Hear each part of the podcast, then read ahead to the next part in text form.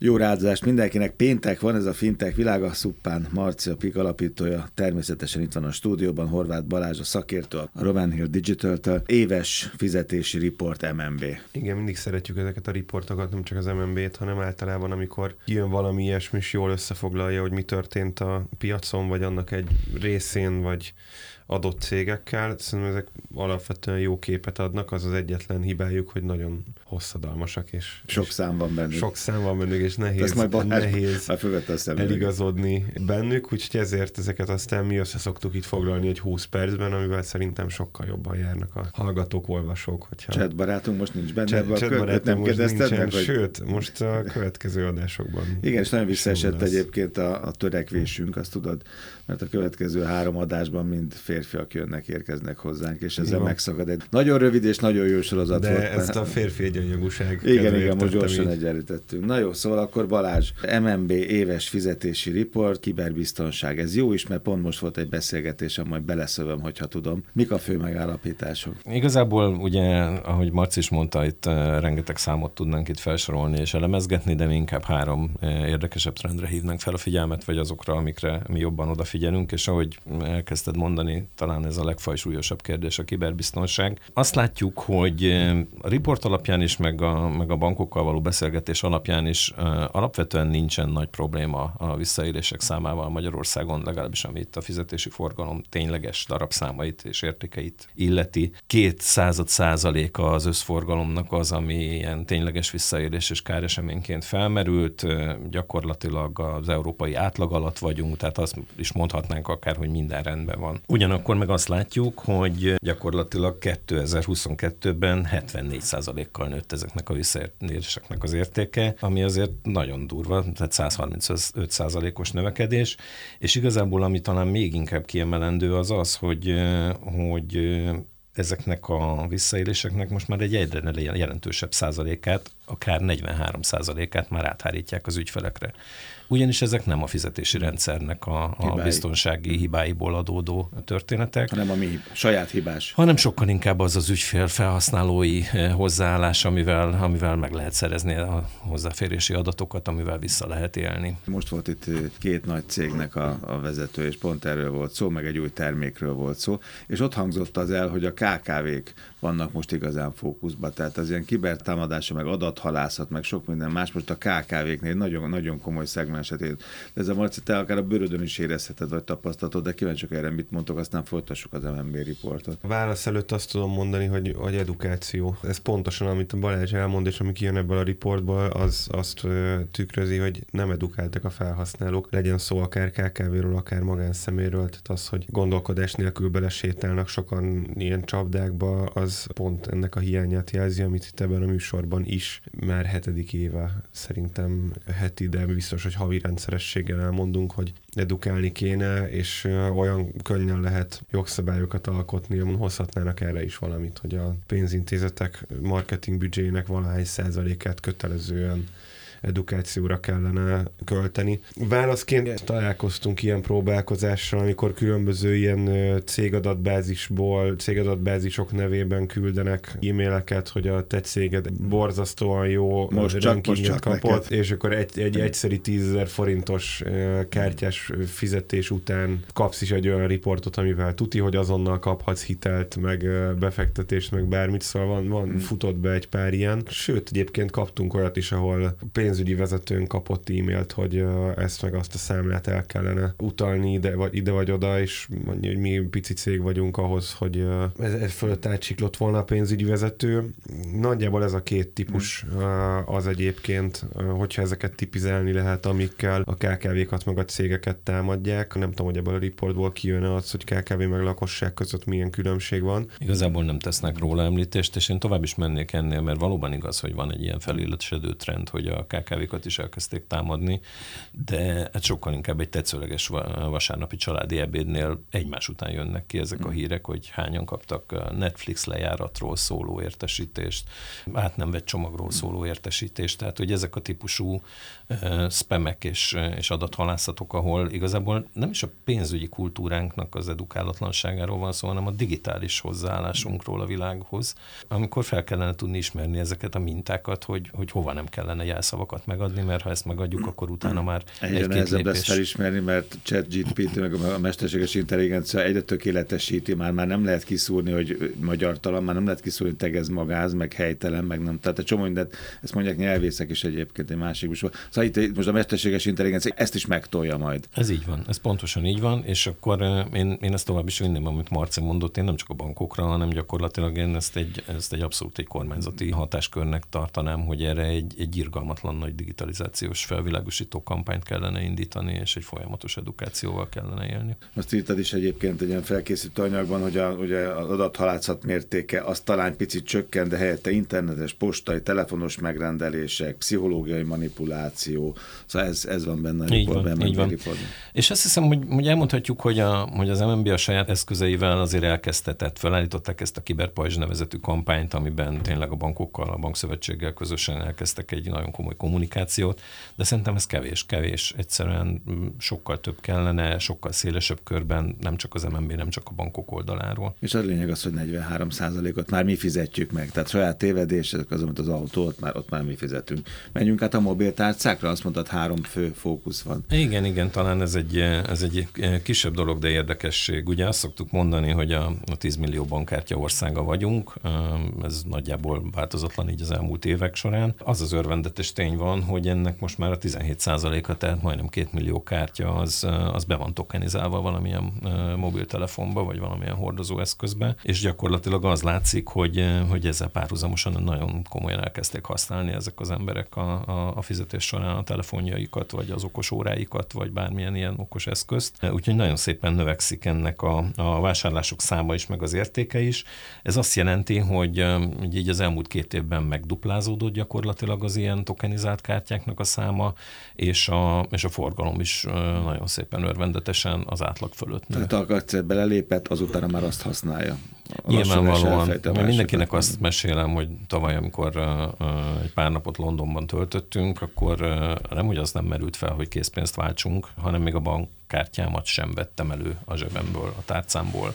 Tehát gyakorlatilag úgy tudtunk három napon keresztül Londonban élni, mozogni, enni, közlekedni, hogy csak a telefonunkkal vagy a kollégám az órájával fizetett mindenhol. Szerintem ez el fog jönni itt. De a lényeg, hogy a felhasználó élmény az, az annyival Igen. jobb, hogy, hogy egyszerűen ebbe az irányba mutat a trend. Egy év alatt meg kétszerűződött a mobiltárcás vásárlási tranzakció száma is értéke. Ugye, tehát látszik ez, hogy ez robbanásszerűen így fejlődik. Van, így van, így van. Infláció? Hát talán ez a legérdekesebb, de, de nem akarok nagyon részletesen belemenni a számokba, hiszen elérhető, letölthető ez a teljes jelentés, aki akar kutakodni, nagyon szép grafikonok és ábrák között meg tudja ezt tenni. Évről évre azt látjuk, hogy a, a, a tranzakciók száma és az értéke is olyan nagyjából 20%-kal nő íron, ír alapon. Itt most kifejezetten a kereskedelmi forgalomban lévő vásárlásokkal beszélünk, hogy még szabatosabb legyek az elektronikus kasszával lefedett kereskedőknél történő vásárlásokról. Ebben volt egy anomália nyilván 2020-ban, amikor azt láttuk, hogy a tranzakciószám lecsökkent, az érték meg megemelkedett,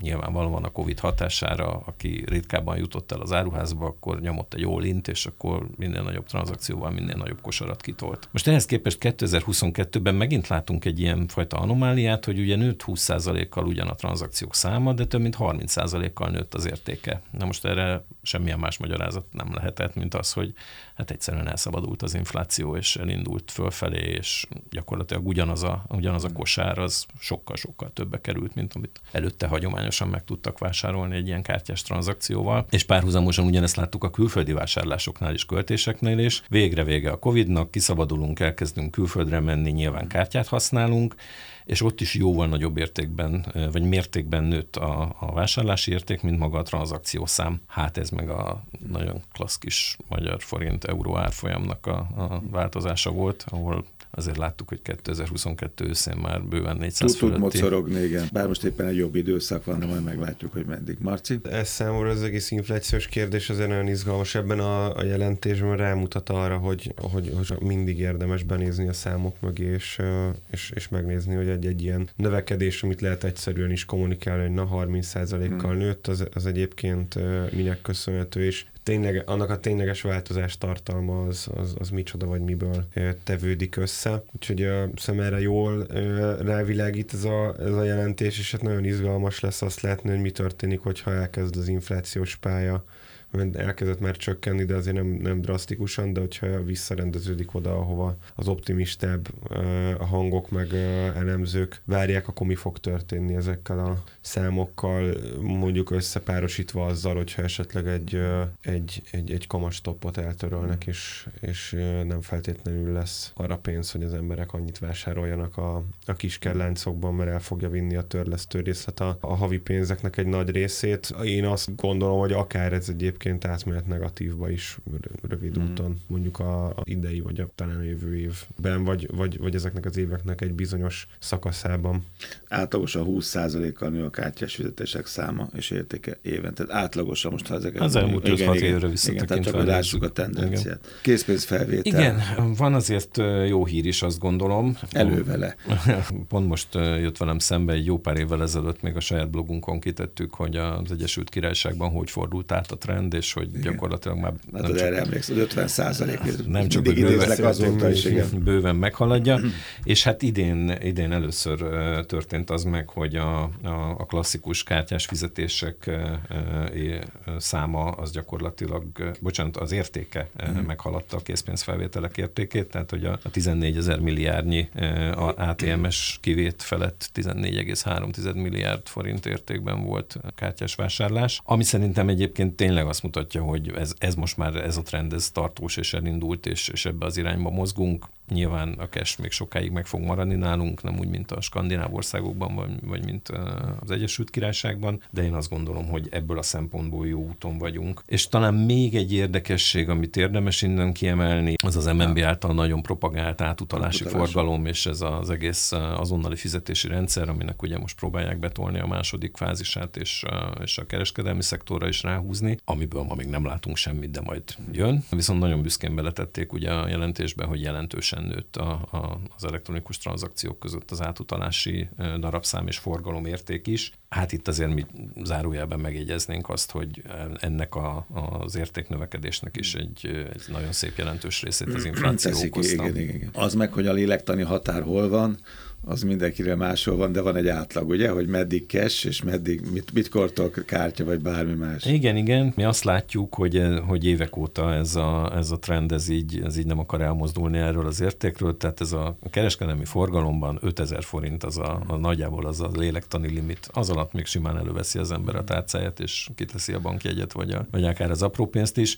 5000 forint fölött most már azért jellemzően a bankkártyás fizetés történik. Csak azért mosolygok, mert sok ilyen kiskereskedőnél vásárolok, és tudom, hogy van az a határ, amikor meg ők baromira nem örülnek neki. Nagyon becsületes, kedves, tisztességes, zöldségesen van pomázon. De azért, amikor pár száz vagy, tehát 500 forint, vagy nem tudom, ezer alatt van, akkor inkább kiguberálom, mert tudom, hogy azért nem biztos, hogy annyit keresett a paprikán paradicsomon. Igen, szóval vannak ilyen lélektani határok, de akkor ez, ez úgy látszik, hogy ez így marad egyelőre. Egyelőre ez nem tűnik változónak. Ha már az edukációt mondtátok mindketten ilyen hangsúlyozottan, az, hogy pénzszűkében vagyunk, meg infláció, meg, meg sok minden más, meg recesszió, az lehet, hogy még inkább a pénz kímélés felé, meg a készpénz kímélés felé hajtja az embereket. Nem? Tehát ebben is tudatosodunk mi is egy lépést, hogy, hogy végig gondolom végre azt, hogy most olcsóbb levenni az ATM-ről, átutalni, vagy, vagy cashben fizetni, vagy szóval ezeket az egészeket, mint amikor az ember racionalizálja a biztosításait, meg a költését. Ez is valahol egy, egy lényeges. A számlavezetési díját, meg sok minden más. Én nagyon örülnék, ha ez így lenne,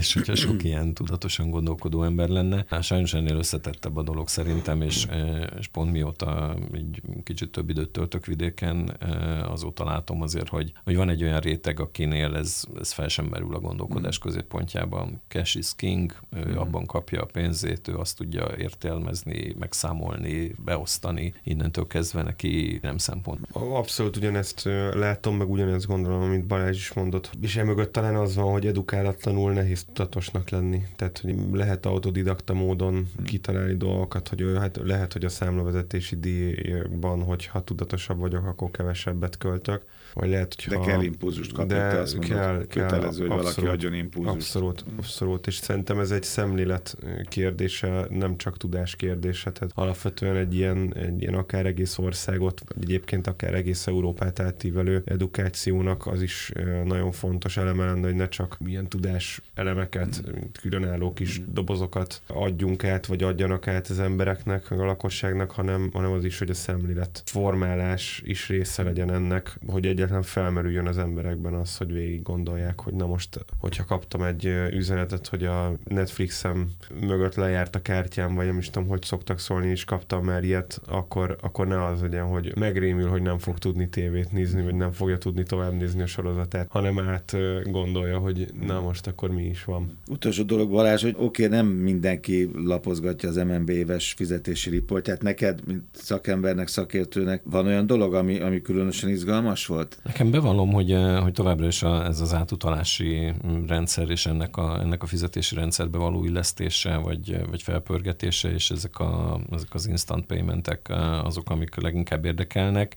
Nyilván ebből a jelentésből még, még nem sok erre vonatkozó információt lehet leszedni. Látjuk azt, hogy, hogy hogyan indult be maga az azonnali fizetési rendszer egyes változata, amikor átterelték egy ilyen sokkal gyorsabb tranzakciós bázisra, és, és én azt gondolom, hogy ez egy nagyon jó irány és egy, és egy nagyon jó kezdeményezés volt. Én sokkal inkább várom a jövő évi ilyen jelentést, amikor majd azt fogjuk látni, hogy az első úttörők azok így megjelentek már a kereskedelmi forgalomba, és ott akár egy QR kódos, egy NFC-s, vagy bármilyen más mobil környezetbe kirakott nem kártyás jellegű fizetés, az, az hogy fogja befolyásolni a, az ügyfelek viselkedését és ezeket a, ezeket a trendeket. Nagyon szépen köszönöm Horváth Balázs Urban Digital, Szuppán Márton Pík, az MNB éves fizetési riportjáról beszélgettünk, jövő héten találkozunk.